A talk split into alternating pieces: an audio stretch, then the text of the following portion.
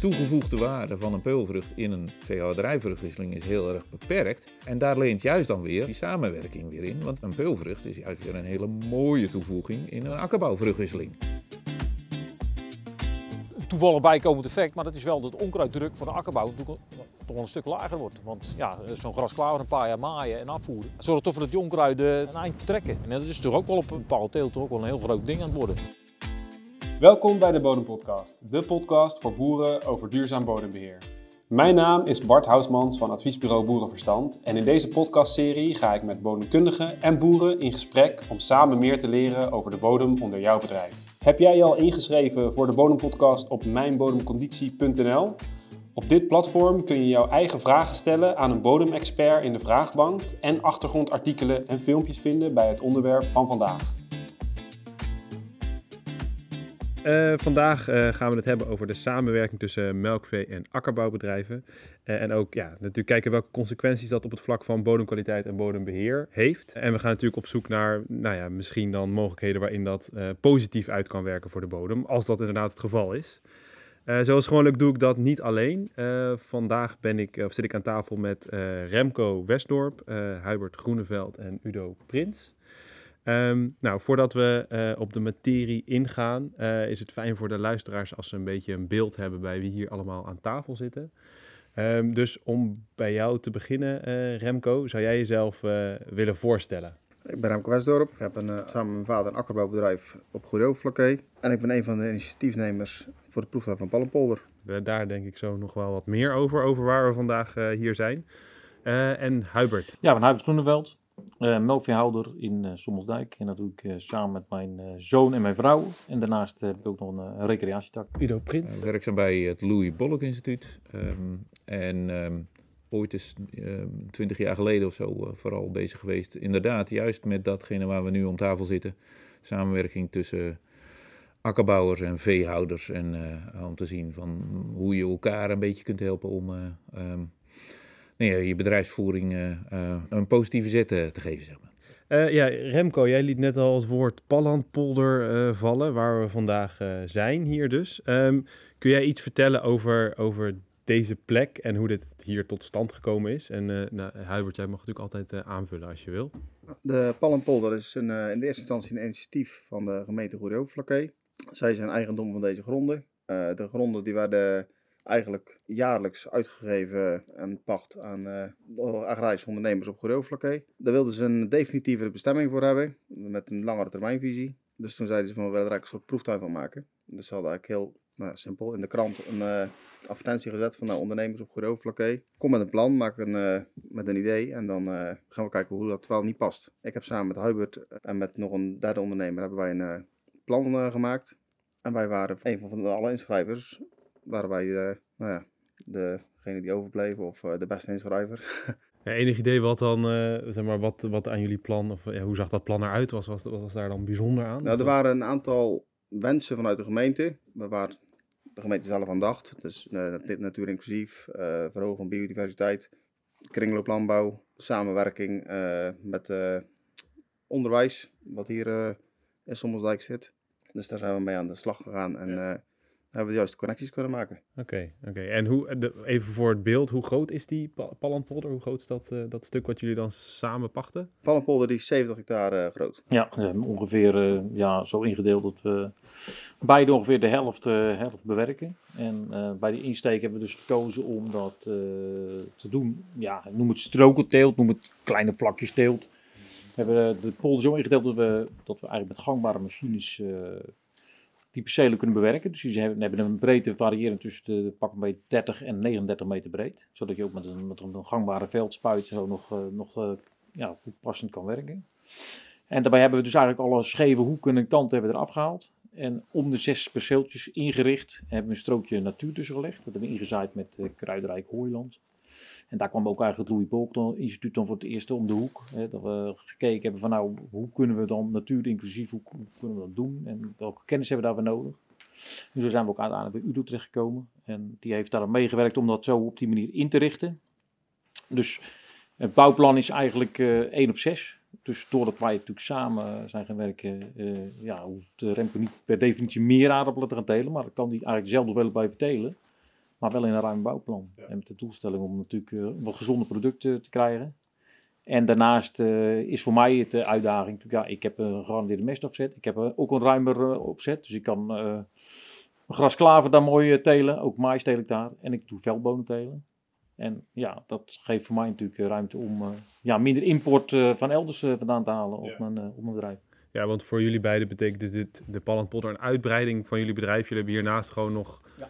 Jullie eigen akkerbouw- en melkveebedrijf. Ja. ja. maar het leuke is natuurlijk dat je eh, buiten, zonder dat je eigenlijk op je eigen bedrijf echt de bakens heel groot hoeft te verzetten, daar kan proberen en kijken van hoe dat, hoe dat uitpakt in de samenwerking. Ja, uh, Udo, kun jij iets vertellen uh, voordat we wat nauwer op de, of wat dieper op de samenwerking ingaan over de, de grond waar we hier vandaag op, op zijn, op de bo het bodemtype zeg maar, en, en welke uitdagingen daar, daarbij horen? Van Pallenpolder is een, nou ja, relatief jonge polder. Uh, ergens in de 19e eeuw is die eigenlijk pas uh, droog gemaakt. Dus het is er, ik denk hier zo op, op Goeree, Overflakkee zijn er stukken die echt veel en vele malen ouder zijn en waar al veel langer geboerd wordt.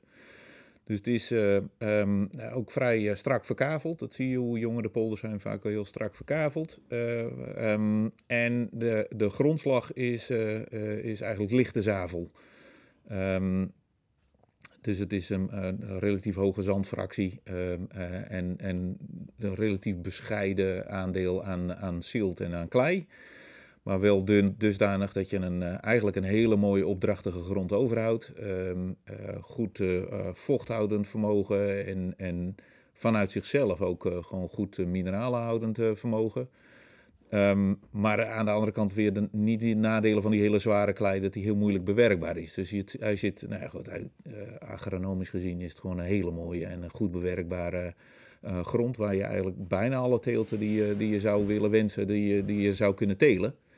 Ja, met, met natuurlijk één punt waar je altijd op moet letten met dit soort gronden, en dat is slemgevoeligheid. want juist op bij dit soort gronden kan, je, kan met name slemp kan, kan echt een, een probleem zijn. Dus dat is er wel eentje waar je op moet, eh, moet letten. En ja, het, tweede wat speelt, uh, deze gronden die zijn jarenlang in de kortlopende pacht eigenlijk steeds uitgegeven. Dat betekent uh, dat er door, de, door de pachters relatief weinig werd geïnvesteerd, ook in bodem en bodemkwaliteit. Um, en dat betekent wel dat er ook met het starten van, van de proeftuin, die in, dat is in, het, in 2021 eigenlijk het eerste teeltjaar geweest, dat er, uh, dat er wel behoorlijk geïnvesteerd moet worden om die grond weer, uh, weer, weer goed op orde te krijgen. Uh, is, is dat iets waarbij jullie zeg maar, in, in, in de start van de, de, opzet van de polder, waar jullie heel erg rekening mee gehouden hebben? Van we beginnen misschien met een bepaalde bodemkwaliteit en dan willen we dingen in verbeteren? Of? Ja, de uitgangspunt is wel dat we inderdaad de bodem willen verbeteren maar goed, het, uh, ja, de uitgangssituatie die was zoals dat die was. Uh, je hebt met de historie van het bouwplan te maken. Dus we zijn gewoon gaan kijken van nou, wat, wat is er mogelijk en hoe kunnen we dat op de juiste manier uh, invulling geven. Oké, nou zoals gezegd is het onderwerp vandaag de samenwerking tussen melkveehouderij of veehouder, veehouders en akkerbouwbedrijven. Uh, kun jij voordat we op de samenwerking van Remco en Hybrid ingaan, Udo, iets vertellen over wat voor type samenwerkingen er überhaupt mogelijk zijn? Dus er zijn natuurlijk allerlei categorieën waar je dan in kan gaan denken. Ja, nee, dat klopt. Uh, zelf vanuit het Louis Bolk, inderdaad al meer dan twintig jaar geleden, al mee in aanraking gekomen en ook al veel mee bezig geweest. En dat was toen met name in de biologische sector. En de wens vanuit de biologische sector eigenlijk om, uh, om veel meer van, het, uh, van, de, van de stofstromen regionaal te regelen. Dus dat is eigenlijk gewoon kringlooplandbouw avant la lettre. Um, uh, dat noemden we destijds noemden we dat koppelbedrijven. Uh, uh, waarbij je eigenlijk samen probeerde, dus de akkerbouwer en de veehouder probeerden om elkaar dusdanig te helpen dat je zo weinig mogelijk eigenlijk van buitenaf hoeft aan te voeren en zoveel mogelijk van elkaar gebruik maakt. Eigenlijk het, het, het, het gemengde bedrijf wat er vroeger bestond, maar dan door de samenwerking van twee gespecialiseerde bedrijven. En wat, je, ja, wat daar al uit naar voren kwam, is dat je natuurlijk, je hebt elkaar eigenlijk heel erg nodig. Uh, zeg maar, de veehouder die heeft natuurlijk uh, um, gewassen die, die eigenlijk heel mooi passen in een, in een akkerbouwvruchtwisseling. daar zit de grasklaver is in dit geval bijvoorbeeld ook, wat er ook in de Van Pallenpolder dus onderdeel van de vruchtwisseling is geworden. Maar bijvoorbeeld ook peulvruchten, die dan als, als eiwitrijke krachtvoeraanvulling kunnen dienen. Ehm, en aan de andere kant, eh, als, uh, als, als akkerbouwer uh, kun je natuurlijk heel goed ook de mest gebruiken. Um, om je bodemvruchtbaarheid op, op peil te houden en eventueel ook minder afhankelijk te zijn van, van de kunstmest. Ja. Nou ja, dit is een van de, van de vormen van samenwerking die je hebt. Dan wordt er in andere delen van Nederland worden ook wel puur op het uitwisseling van grond. Dus dat bijvoorbeeld bollentelers of dat kooltelers, zeg maar, of ook aardappel dat die gebruik maken van, uh, van graslanden en dat die uh, graslanden gescheurd worden, daar één of twee jaar uh, akkerbouwgewassen op geteeld worden en dat dan de veehouder weer de mogelijkheid heeft om zijn grasland overnieuw in te zaaien. Soms is een samenwerking alleen de uitwisseling van mest. Dus de, de, er zijn natuurlijk heel veel vormen waarin, je, waarin akkerbouwers en veehouders met elkaar kunnen samenwerken en iets voor elkaar kunnen betekenen. En hier is het dus een, ja, een vrij nauwe samenwerking. Jullie, zijn wel allebei, jullie hebben allebei nu eigen bedrijf, maar op de polder zelf, de Palmpolder zelf, is het bijna een soort van gemengd bedrijf geworden. In wezen kun je het, uh, wat, er, wat er in de Van Palland eigenlijk uh, uh, tot stand is gekomen, is eigenlijk gewoon een, een gemengd bedrijf, inderdaad. Remco, voor jou, wat is eigenlijk een soort van, waarom ben jij persoonlijk vanuit, ja, vanuit jouw ervaring en geïnteresseerd in een samenwerking? Wat zijn erin voor jou de belangrijkste punten? voor mij zijn toch wel de belangrijkste punten de ruimere vruchtwisseling. Ik denk ook dat aandeel vlinderbloemigen, zoals de veldbonen, de grasklaver, dat dat ook echt wel positief is voor bodemkwaliteit, maar ook uh, super volvrucht is voor uh, gewassen die bij mij centraal staan. Praktisch zie je ook gewoon dat je bepaalde uitwisseling van mechanisatie of een aanvulling van werk. En wat zijn de, de uitdagingen voor jou? Want die zitten er misschien ook nog wel bij, kan ik me voorstellen. Ja, toch valt eigenlijk wel mee. Oké, okay. nou dat kan natuurlijk ook, ja.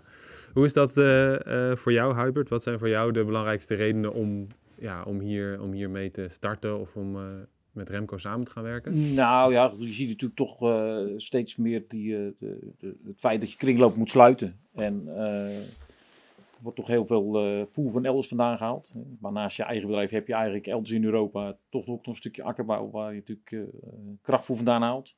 Nou, op deze manier met de collega's samen te werken kun je natuurlijk een stuk van die krachtvoer kun je natuurlijk zelf, kun je zelf telen. En zeker op de eiwitkant. Dus kun je de vervanging van soja kun je die gebruiken. En daarnaast is natuurlijk ook uh, ja, afzetmest, uh, wat ruimer in de grond zitten, is natuurlijk ook een ding. Hè? Grondgebondenheid is een heel groot uh, item. Maar met name toch wel uh, ja, dicht sluiten proberen van die regionale kringloop. Dat is uh, de uitdaging die we, die ja. we aangaan. En dat is dus voor jouzelf ook gewoon puur vanuit jou en jouw bedrijf een reden om dit te gaan doen. Nog een stapje terug dan weer naar, naar de bodem. Uh, Udo, kun jij wat vertellen over welke ja, aspecten van samenwerking tussen veehouderij en akkerbouwbedrijven effect hebben op de bodem? En dan zowel misschien een positieve als een negatieve zin, want dit kan misschien allebei. Sowieso, de, als je alleen maar positief de moet je mensen altijd een beetje wantrouwen. Want als er alleen maar positieve verhalen zijn, dan, uh, dan uh, moet je altijd afvragen van wat wordt er niet verteld. Ja, daar zitten, zitten inderdaad in, uh, in eerste instantie wel heel veel, heel veel positieve kanten aan. En dat heeft, nou, Remco vertelde net al, heeft al mee te maken dat je dat de gewassen eigenlijk in een ruimere vruchtwisseling komen te staan. En daarvan is, uh, is over het algemeen gewoon bekend uh, in de akkerbouw dat een te nauwe vruchtwisseling van gewassen zoals aardappelen of uien, dat dat ook de opbouw van die gewasspecifieke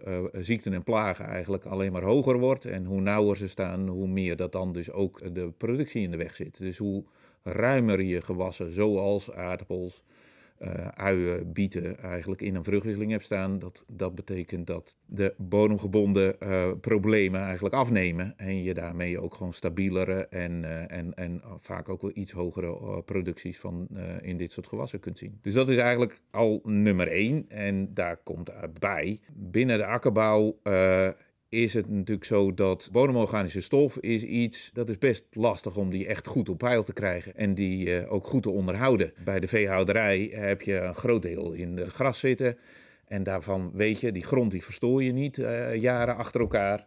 Uh, je krijgt de hele tijd opbouw van zowel bodemleven als bodemorganische stof. Uh, terwijl in de akkerbouw worden natuurlijk bijna alle gewassen die zijn eenjarig. Uh, dat betekent dat er jaarlijks geploegd wordt en dat daarmee ook je bodemleven eigenlijk elke keer weer een reset heeft. En je organische stofopbouw een heel stuk langzamer of een stuk minder verloopt dan, dan wanneer dat onder meerjarige gewassen is. Door nou die vruchtwisseling in elkaar te, te, te schuiven, voeg je eigenlijk gewassen toe die bodemvruchtbaarheid eigenlijk juist enorm verzorgen. en daarmee eigenlijk ook in je hele vruchtwisseling een, een veel vruchtbarere overhoudt. En is het dan niet zo dat aan de ene kant als zeg maar, naar de akkerbouwgewassen, die extensiveer je, of er komt meer andere gewassen tussen.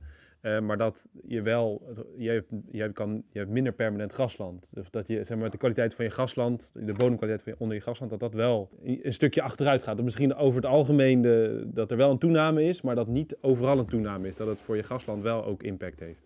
Als je inderdaad uh, het ziet van puur alleen de, de melkveebedrijven die, die alleen maar bestaand grasland hebben en nooit aan graslandvernieuwing doen. Maar dat gebeurt natuurlijk wel. Er wordt ook op, op melkveebedrijven wordt grasland één keer in de zoveel wordt het, wordt het vernieuwd. Dat is ook een, een leer die we ook uit de eerdere jaren van, van koppelbedrijven of, of kringlooplandbouw zeg maar, uh, herkennen. Juist in een situatie zoals in een, in een het juist weer heel erg moeilijk is om je vlindebloemigen een plek te geven. Want jouw uitgangssituatie is zo rijk dat daar de vlindebloemigen het eigenlijk een beetje moeilijk mee hebben. In de beginjaren hebben we ook altijd al gekeken van als je als melkveehouder nou met name ook het dure deel van je krachtvoer en dat is vaak toch het eiwitdeel wat meer zelf zou willen verzorgen.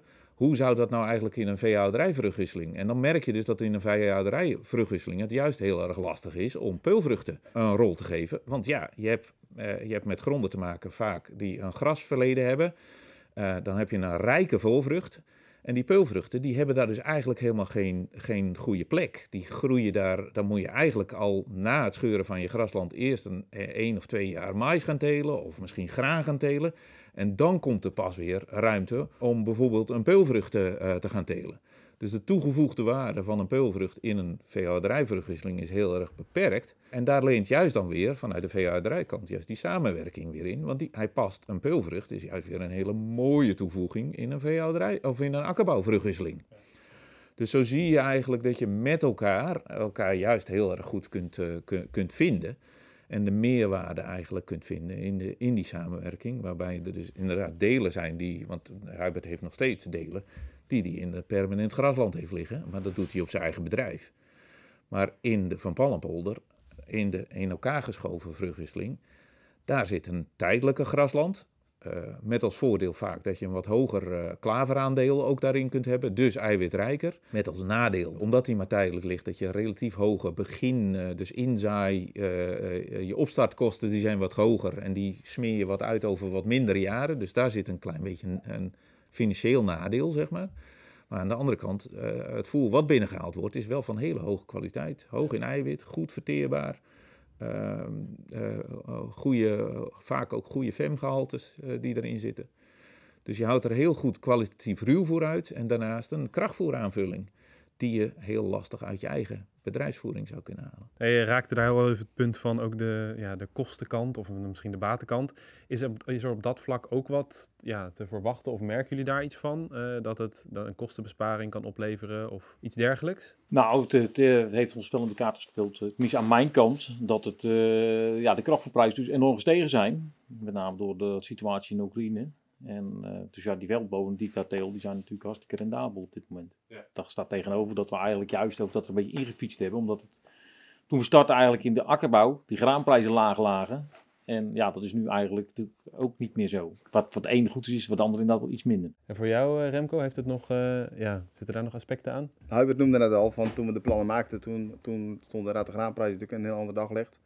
Dus toen zeiden we van, nou ja, als, als zijn de vervanger van graan of als aanvulling op. Dan is het natuurlijk inderdaad die veldbonen wellicht een hele goede voorvrucht. Goed, nu is dat, en als het puur op financiële gaat, staat dat inderdaad een iets ander, uh, een ander daglicht. Maar uh, ik, ik ben op zich ja, dan kan natuurlijk ook zo weer de andere kant op. Ja, dat kan ook zo weer de andere kant op gaan. Dus ja. dat moet je toch uh, over meerdere jaren zien. Als we het over de uitdagingen hebben, want je, jij zei net al, Udo, van als het, als het een posit te positief verhaal is, dan moet je het niet vertrouwen. Uh, wat zijn de grootste uitdagingen uh, in, in zijn algemeenheid misschien bij, bij samenwerkingen tussen bedrijven?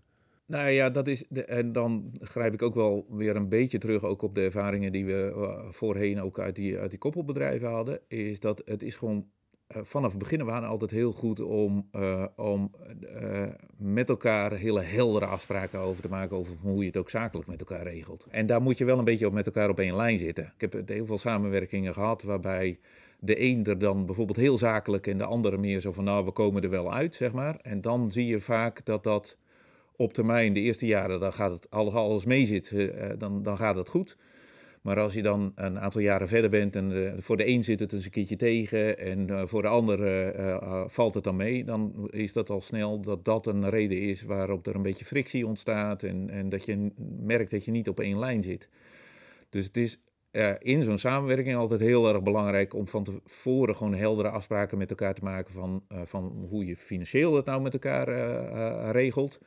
En als je het allebei los wil laten en zo van nou, het komt allemaal wel goed, dan is dat ook goed, zeg maar. Maar als de een er heel zakelijk in zit en de andere er wat losser mee om wil gaan, dan zie je vaak dat dat op termijn een beetje tot frictie eh, kan. eh. Als je kijkt wat zijn de risico's ook, van ja, je moet met een, bijvoorbeeld met een grasklaver best uitkijken. Eh, met de opbouw van bijvoorbeeld ritnaalden en e-melten. Dat is een bekende. Dat is ook een van de redenen waardoor er in de Van Pallenpolder voor is gekozen om de grasklaver niet langer dan twee jaar te laten liggen. Omdat als je die eh, grasklaver eh, er wat langer in laat liggen, dan de kansen voor de opbouw van ritnaalden en e-melten eh, vergroot worden. En dat dan vervolgvruchten, zoals aardappels bijvoorbeeld, daar eh, best last van kunnen hebben. Maar dat is dus wel een afweging. En ook daar zit het weer. Dat moet je van tevoren natuurlijk goed met elkaar eh, eh, afspreken. Kijk, voor de melkveehouder, Hubert in dit geval, zou het financieel gunstiger zijn om hem misschien één of twee jaar langer te laten liggen. Want de investeringskosten die zitten hem in de inzaai. En dat betekent van, eh, eh, dat je daar eigenlijk langer over kunt doen om die investeringskosten er ook uit te krijgen. Dus als hij korter ligt, eh, dan zijn de investeringskosten relatief drukken die meer op het saldo. En daar moet je dus wel met elkaar afspraken over maken. Van ja, hoeveel gaan we voor? Als je puur naar de, vanuit de akkerbouw kijkt, die zou misschien tevredener zijn met een anderhalfjarige. Want dan is hij ook wat makkelijker in te passen in een, in een vruchtwisseling. Het zijn bijna, akkerbouw natuurlijk bijna altijd eh, eenjarige gewassen. En een tweejarig gewas moet je toch wat meer rekening mee houden voor hoe je die dan inpast in je vruchtwisseling. Nou ja, dus dat is eh, wat, dat soort dingen. eh, daar moet je van tevoren met elkaar gewoon goede afspraken over maken. Over hoe je ook de risico's en de eventuele eh, opbrengsten of opbrengstverliezen met elkaar zakelijk ook gewoon goed, goed, goed regelt. Hoe hebben jullie dat gedaan? Zitten jullie aan het begin van elk jaar? Of hebben jullie daar al lange termijn afspraken over? Of, of zijn jullie van die mensen die gewoon ja, die het, eh, die zien samen en dat het gewoon goed gaat? Nou, de grootste last die ik, eh, die eigenlijk ervaar is toch ook wel de regelgeving opnieuw. De overheid die ons dwars zit. Want ja, op je eigen je ook dat eh, blijvend grasland natuurlijk langzamerhand ook een, ja, een soort eh, een zwaard van de mokkels op je hoofd eh, begint te worden. Want ik, ik weet op dit moment dat heel veel veehouders overwegen om hun gras allemaal massaal om te ploegen. Een keer. Omdat, ja, wat gaat er gebeuren volgend jaar? Eh, komt er een blijvende regelgeving op dat gebied en zo. Dus wat dat gaat, past mij ook de tijdelijke graslanden heel goed in. Wat is dat? Lopen jullie daar dan nog in een nog tegen andere dingen aan in het samenwerking? Dat dat gewoon ja, door bepaalde regels eh, moeilijk wordt? Of Nou ja, ook, ook, ook met qua bemesting en dat soort zaken is het wel jammer dat, eh, dat de overheid daar niet meer in meedenkt. Eh, ja, goed, we zijn de derogatie nu kwijt. Maar zeker per perceel een derogatie had natuurlijk een hele grote uitkomst geweest eh, in, in samenwerking met de veehouder en akkerbouw. Nou, dat gaan we vandaag niet eh, oplossen natuurlijk. Maar dat zijn, ja, dat zijn ook dingen die hier natuurlijk wel mee te maken hebben. en Waar je mee moet dealen. Ja, en op het, op het vlak van meer bodembeheer. Zijn er daar nog eh, ja, risico's of, of uitdagingen op het gebied van eh, samenwerking? Nou ja, we hebben eh, net natuurlijk al eventjes over de ritnaalden en de e-mailten gehad. Eh, je moet bij eh, sowieso zodra je peulvruchten, want dat is eigenlijk de voornaamste toevoeging, denk ik, die, eh, die, die, die wat gunstiger werkt, zeg maar, in de samenwerking. Moet je altijd, zit er ook altijd een keerzijde dat je eh, een beetje moet uitkijken met gewassen die daar heel erg gevoelig voor zijn. En dan heb je het met, ja, zodra je eh vlinderbloemige toevoegt in je vruchtwisseling, moet je altijd een beetje ook je sclerotinia in de gaten houden. Dus heb je als akkerbouwer hele sclerotinia-gevoelige gewassen, zoals witlof bijvoorbeeld, of, eh, of, eh, of wortels, zeg maar. Ja, dan, is er, dan moet je altijd wel een beetje uitkijken met het verhogen van je peulvruchtenaandeel of je vlinderbloemige aandeel. Dus die moet je allemaal wel meenemen in die hele afweging over van hoe je eigenlijk een, een, eh, een vruchtwisseling in elkaar draait, die ook eh, voor alle gewassen die in die vruchtwisseling staan, eh, voornamelijk gunstig en zo weinig mogelijk negatieve effecten heeft. Ja, ook het vernietigen van de grasklaver is ook wel een uitdaging op zich. Want we zijn dus begonnen met, eh, met minimaal kerende grondbewerking. Dus dat betekent dat we alleen nog eco ploegen. Nou ja, dan is best een uitdaging om zo'n grasklaver goed netjes weer eronder te krijgen. Ja, Toch een, eh, een behoorlijke wortelpakket, wat er ook weer en met wat gras erop, wat omgedraaid moet worden. Dus daar zit, daar zit wel een uitdaging in. En eh, ja, in je leert ook snel. In het eerste jaar hebben we toen wat geprobeerd, eh, ook wat groenbemesting die we in het najaar zaaiden, in het voorjaar eerst nog de oogsten. Voor, eh, voor de koeien. Dus eh, met name wat grassoorten en zo. Maar ja, dan merk je toch al snel dat je natuurlijk ook enorm veel vocht naar huis brengt. En dat je dan, als je dan nog moet gaan ekenploegen, en wat later in het voorjaar, dat dat niet meevalt. Dus daar zijn we wel van teruggekomen. Dat we zeggen, nou, dat gaan we niet meer doen. We gaan die gewassen gewoon eh, tijdig eh, een beetje kort slaan. En dan eh, ja, zo maken dat we de ekenploeg er, eh, dat we goed aan het werk kunnen. Oké, en voor, want eh, jullie hebben er nu een, een manier gevonden in jullie samenwerking. Is dat, hoe kijken jullie daar nu tegenaan? Is dit voor jullie hoe, het, eh, hoe jullie ermee door willen gaan? Of hebben jullie nog eh, plannen om eh, nieuwe dingen te proberen of, of het anders in te vullen? Nou ja, zeker die bodem natuurlijk, ja, dat is uiteindelijk de basis van alles. Dus we hebben zeker al ideeën. We zouden graag nog wat, wat meer de drainage willen toepassen. Sommige deeltjes niet heel super gedraineerd. Maar goed, dat is wel een wens die natuurlijk naar een overheid moet worden aangesproken. Maar ja, we zijn natuurlijk gestart met die Bukassi. En daar heb ik toch wel verwachtingen van. Om toch eh, ja, in een wat kortere tijd eh, die grond eens een boost te geven. En te kijken of dat, die koolstofvastlegging wel wat sneller kunnen. Want dat is, eh, ja, die grond is best wel uitgeboerd daar. En ja, met, in combinatie met die drijfmest en die, eh, die, die eh, grasklaver denk ik best wel dat we vrij snel eh, toch daar wel echt verbetering kunnen maken. En Wat, wat, zou dan, wat zou je dan snel mogen vinden, Udo? Wat, ja, De, een van de, van de ambities die ook uit is ges- eh, eh, gesproken vanuit, eh, vanuit het plan wat voor, eh, voor de proeftuin eh, geschreven is. En wat, wat denk ik ook wel vooruit loopt op, eh, op de uitdaging en, de, en die er denk ik breed in de, in, in de landbouw eh, geldt. Is dat er toch gekeken wordt om, om eh, het gebruik van, van kunstmest zoveel mogelijk terug te kunnen schroeven. Zowel op het gebied van stikstof als op het gebied van fosfaat. En ik denk dat je dan in de samenwerking in ieder geval alle, al wel een aantal dingen ook ja, stoplichten op, op groen hebt staan. Omdat je, nou ja, eh, juist ook vanwege het inbrengen van de grasklaver, eh, heb je natuurlijk enorme opbouw van, van organische stof. Maar ook eh, zodra die gescheurd wordt, heb je, heb je de mineralisatie die er vrijkomt, waarvan we weten dat daar een vervolggewas behoorlijk van kan profiteren. kun je daar iets over zeggen in wat voor orde van grootte dat dan positieve effect heeft op bijvoorbeeld een aardappel of zo, wat, daar, wat je daarna eh, teelt? We beginnen aan jaar drie. Eh, dat betekent dat de eerste tweejarige grasklaver dit jaar eh, gescheurd zal gaan worden. En dat daar dus de aardappels op, op geteeld zullen gaan worden. Ja, bekend is natuurlijk dat je, eh, dat je na het scheuren van grasklaver, dat je daar een enorme mineralisatie uit kunt. Die kan oplopen tot, tot wel 200 kilo aan stikstof die vrij kan komen. Wat natuurlijk wel een beetje afhankelijk is van wanneer de regen valt en hoe de bodemtemperaturen oplopen. Dus wanneer die stikstof vrijkomt. Dus daar zal de komende jaren zeker op deze grond wel even ervaring mee moeten worden opgedaan over van hoe dat dan betekent hoe je ook eventueel terug zou kunnen in de bemesting van je aardappelgewas om, om toch gewoon goede doorgroei van je aardappels te kunnen krijgen en gewoon goede opbrengsten te kunnen, kunnen behouden. Maar de verwachting is natuurlijk dat je zeker na het scheuren van een grasklaver, maar eh, ja, na de grasklaver, eh, de andere plek waar de aardappels staan is na de velbonen. En een velbonen gevolgd het liefst ook door een, door een, eh, door een goede groenbemester, waardoor ook een deel van de opgebouwde stikstof zeg maar, ook weer winter over wordt gedragen en dus inderdaad ten goede komt aan, aan de aardappels. En daar zal de komende jaren wel ervaring mee moeten worden opgedaan over van hoeveel dat nou in je bemesting kan schelen en hoeveel je dan terug kunt in, eh, eh, in zowel eh, je dierlijke bemesting als je, eh, je kunstmestgebruik. Maar de verwachting is dat dat echt wel substantieel zal, zal, zal zijn. Remco, heb jij nog dingen die je hier verder wil experimenteren of waar je iets mee wil gaan doen? Ik hoorde toevallig toen we hier aankwamen lopen Udo nog iets zeggen over compostthee. Ja, ik ben zelf ben ik vooral eigenlijk heel benieuwd. eh, dit jaar, dit jaar dan gaan we inderdaad de, natuurlijk die grasklaver dan scheuren. Dus, dus nou ja, wat gaat dat, eh, als je dat gaat ploegen, nou, hoe ziet dat eruit? Als we dat gaan volgen in de plant- en plantsapmetingen, wat gaat dat doen qua bemestingswaarde? Udo is daar inderdaad wel eh, heel positief over, over de onkruiddruk van de grasklaver. nou ja, dat intensieve maaien van de afgelopen twee jaar, wat dat ons, ons brengt. Want dat is ook als je daar, nou ja, de ene biologische akkerbouwer is daar positiever over als de andere eh, akkerbouwer. En we zijn inderdaad aan het oriënteren om te kijken met, eh, nou ja, wij leggen de mogelijkheden om eventueel met compostthee eh, toepassingen te gaan doen. Ik heb het woord wel wel eens horen vallen, maar wat kun je daarvan, of wat is het idee daarachter? Of wat kun je daarvan verwachten? Of wat is daar de theorie achter? Compostthee, dat doe je een soort van brouwen, beluchten in een apparaat wat daarvoor geschikt is. En die heeft het water, houdt die op een bepaalde temperatuur. En dan doe je de goede, het is belangrijk dat je goede compost als uh, basisingrediënt uh, toevoegt. En dan gaat het in een bepaald aantal uren gaan die, uh, die bacteriën, die schimmels, die gaan vermenigvuldigen. En als je die dan vervolgens over het land heen spuit, dan geeft dat soms wel eens een extra boost. En een boost dan voor bodemleven? Bodemleven, inderdaad, ja. Oké, nou, interessant. Uh, ik denk dat we best een redelijk overzicht hebben van wat een samenwerking in kan houden en hoe dat hier uh, vormgegeven is. Ja, zijn er nog uh, laatste opmerkingen, toevoegingen vanuit jullie?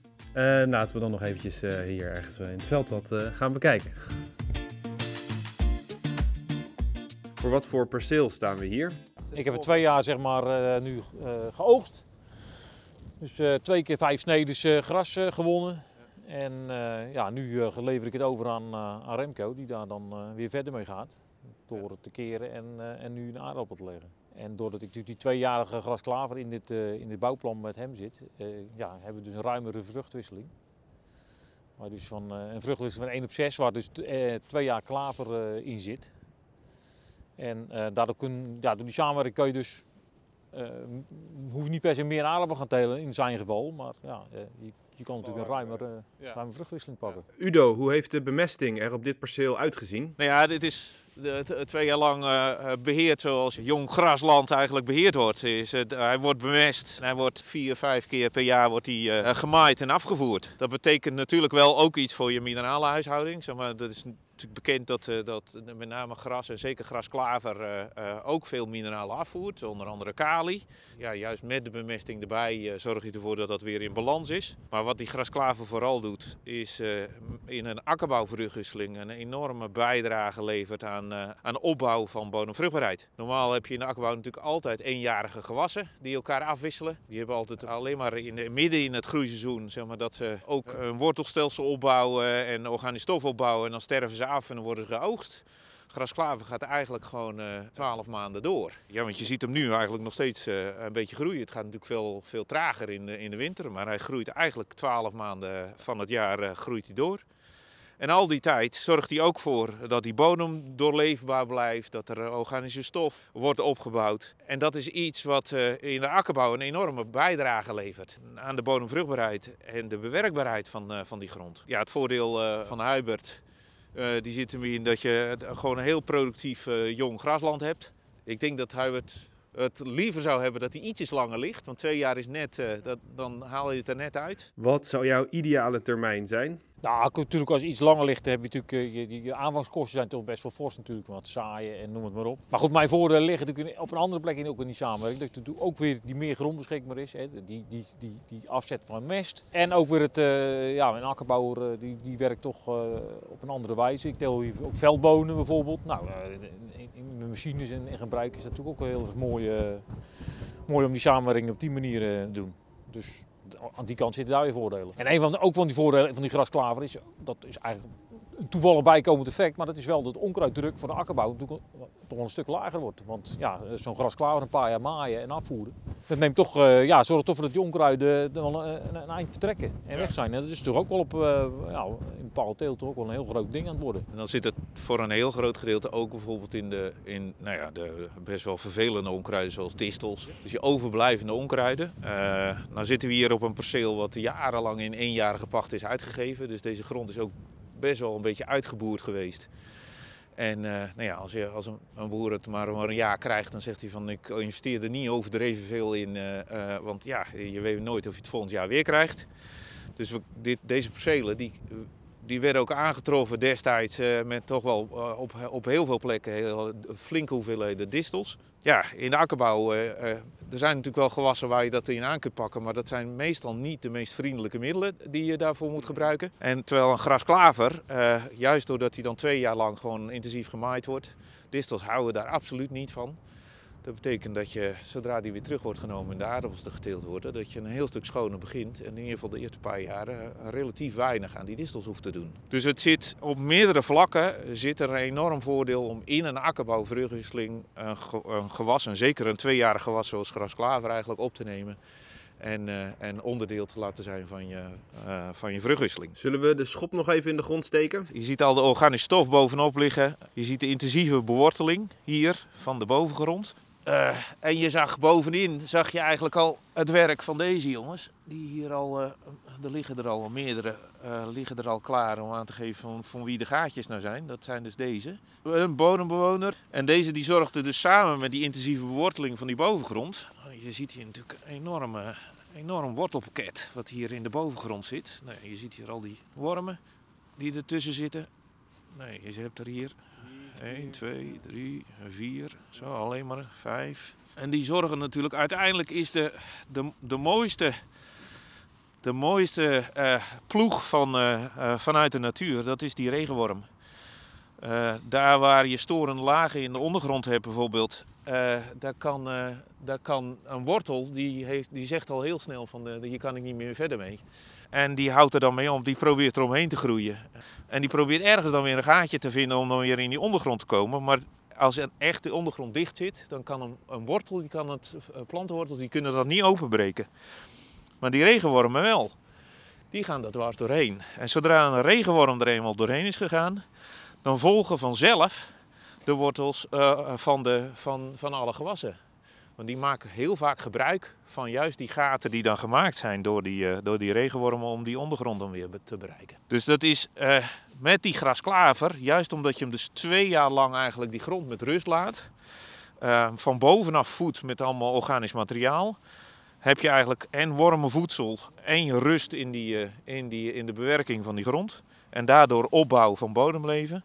En dus eigenlijk een, een enorme boost voor het herstellend vermogen van die grond. Dus het is een heel helend gewas uh, voor, uh, voor de bodem. Wat is dat? Dit zijn ritnaalden. Ja, toch? In de biologische sector gebeurt dit veel vaker. Dus ik heb ook nog wel even rondgevraagd van hoe vaak komt het nou voor dat je opbouw van eemelt en ritnaalden hebt die dan een probleem kunnen vormen in de volggewassen, zoals in aardappels en in uien en in mais. En over het algemeen is, als je tweejarige, eenjarige en tweejarige grasklaver, dus als hij uh, anderhalf of tweeënhalf jaar ligt, uh, dan hoef je je er niet overdreven veel zorgen over te maken. Ja, ze komen voor, want dat zag je al. Ze komen voor en er zullen best wel jaren voor, uh, voorkomen die, dat het wat meer is dan andere jaren. Maar over het algemeen is het een uiterst behapbaar probleem. Is het zeker niet, niet groot, maar je moet, hoe, als hij langer ligt, ja, dan worden risico's die worden wel groter. Dus als hij drie of vier jaar ligt, dan worden de risico's al een heel stuk groter qua opbouw van, uh, van eventuele plaaginsecten moet je wel een beetje uitkijken. Dat je zo'n grasklaver niet te lang in je, in je vruchtwisseling hebt liggen. Want dan worden op een gegeven moment de risico's voor de akkerbouw gewoon te groot. Ja, wel mooi hè, dat je hem hier ziet. Gras die heeft natuurlijk een heel ander wortelstelsel dan, uh, uh, dan klaver. Het is duidelijk dat dit penwortel van, van, van de klaver dus die is vooral ook heel goed in, uh, in de diepte ingaan. En die heeft een wat minder intensief wortelstelsel boven in de grond. Dat zie je bij heel veel vlinderbloemigen is dat zo. Hè. Ze zijn heel goed in het, het doorwortelen van die grond, maar voornamelijk ook om, om een eigen stikstof te, te, te voorzien. En in uit de diepere bodemlagen alles wat er nog een beetje mee in zit om dat eruit te halen. Maar ze zijn niet zo goed in, in, in die bovengrond nou heel intensief te wortelen. En daar is gras weer heel erg goed in. Dus al die hele fijne wortels die je hier aan de bovenkant ziet, dat is allemaal gras. Ja. Dus dit is gras en dit is de klaver. En daardoor vullen ze elkaar ook heel mooi aan. Maar deze is heel erg goed in alle stikstof die in die bodem zit, om die eigenlijk in, in gras om te zetten. Terwijl deze wat beter is in het in ook uh, uh, ja, wat dieper die grond uh, ook wat open te breken. stikstof, stikstof te, te, te binden. En daarnaast ook bijvoorbeeld fosfaat te mobiliseren. Ja. Dus fosfaat kan zeker op kalkhoudende grond een beetje uh, immobiel in die grond zitten. En juist uh, vlinderbloemigen zijn heel erg goed om die fosfaten dan los te weken van die kalk. En dan weer beschikbaar te maken voor planten. En tijdens droogte heb je er misschien ook nog wat aan. In de droge periode zie je vaak ook dat het klaveraandeel enorm toeneemt. Ja, ja, ja. Deze groeit door en deze die staat stil. Uh, dank Remco, Hubert en Udo voor jullie input en kennis vandaag. Voordat we deze aflevering van de podcast afronden, is het nog tijd voor het bodemleven of het bodemdiertje van de week. Vandaag behandelen we de Rhizobiumbacterie uh, met Pieter Struik van het Louis Bolk Instituut. Pieter, de Rhizobiumbacterie, wat doet die precies uh, en wat is het eigenlijk? De Rhizobiumbacterie is misschien wel de bekendste bacterie die, we, die we kennen. Namelijk de bacterie die actief iets kan toevoegen aan de bodem. De rhizomibacterie kan namelijk stikstofgas, wat in de lucht zit, uh, omzetten in uh, ammonium. En uiteindelijk kan dat verder in het proces worden omgezet tot nitraat, wat de plant kan opnemen. En het mooie is dat deze rhizomiumbacterie veel meer bindt dan dat hij voor zichzelf nodig heeft. Dus hij heeft ook de planten die ernaast staan kunnen profiteren van de stikstof die dit, deze bacterie um, kan vastleggen en kan, kan binden dus daadwerkelijk. En dat doet hij niet voor niks. Ook deze rhizomiumbacterie gaat hetzelfde als de mycorrhiza-schimmel echt een symbiose aan uh, met de plant. Dus de plant geeft suikers en deze bacterie doet in ruil daarvoor zijn kunstje. In het geval de rhizomiumbacterie kan stikstof binden. Het is ja, een heel knappe bacterie, want al het andere bodemleven dat kan alleen maar iets beschikbaar maken of iets omzetten, maar deze kan dus iets toevoegen. En deze bacterie uh, leeft vrij in de grond. Hij is eigenlijk overal, zeker voor klavers. Uh, dus als je een perceel gras-klaver in wil zaaien, dan, uh, dan, dan zal de bacterie daar van nature aanwezig zijn. En denk, oh, opeens is een gastheer, de klaver, en zal zich meteen daarop vestigen en de klaver zal gaan floreren. Hoe meer stikstof er in de bodem al zit, of, of hoeveel je geeft met bemesting, hoe minder actief de rhizobiumbacterie zal zijn. Nou, wil je checken of, de, of die bacterie daadwerkelijk stikstof bindt, is een plantje uitgraven en dan zie je aan de wortels zie je knobbeltjes en die zijn wit en dan zijn ze er. Of ze zijn licht roze of een beetje roodachtig en dan zijn ze daadwerkelijk ook echt actief, dat ze actief stikstof kunnen binden uit de lucht. Het is wel belangrijk dat er dus voldoende lucht in de bodem zit. Als je een hele compacte bodem hebt, dan kan je eh, doen wat je wil, maar hij zal dus nooit, die bacteriën zal nooit optimaal zijn stikstof kunnen binden, want ja, er moet wel lucht zijn om die stik, dat stikstofgas eruit te halen. En hij bindt dus alleen aan specifieke soorten. Het is niet dat hij bij elke wortel die symbiose aan kan gaan. Precies. Ja, ja dus uh, alleen vlinderbloemig en dat nou, witte klaver, lucerne, rode klaver, maar ook erten, wikken, veldbonen, lupine. Er is heel veel vlinderbloemige, maar allemaal, allemaal zijn ze van dezelfde familie, dus de Fabaceae-familie soms is het wel noodzakelijk bijvoorbeeld om actief rhizomiumbacteriën toe te voegen.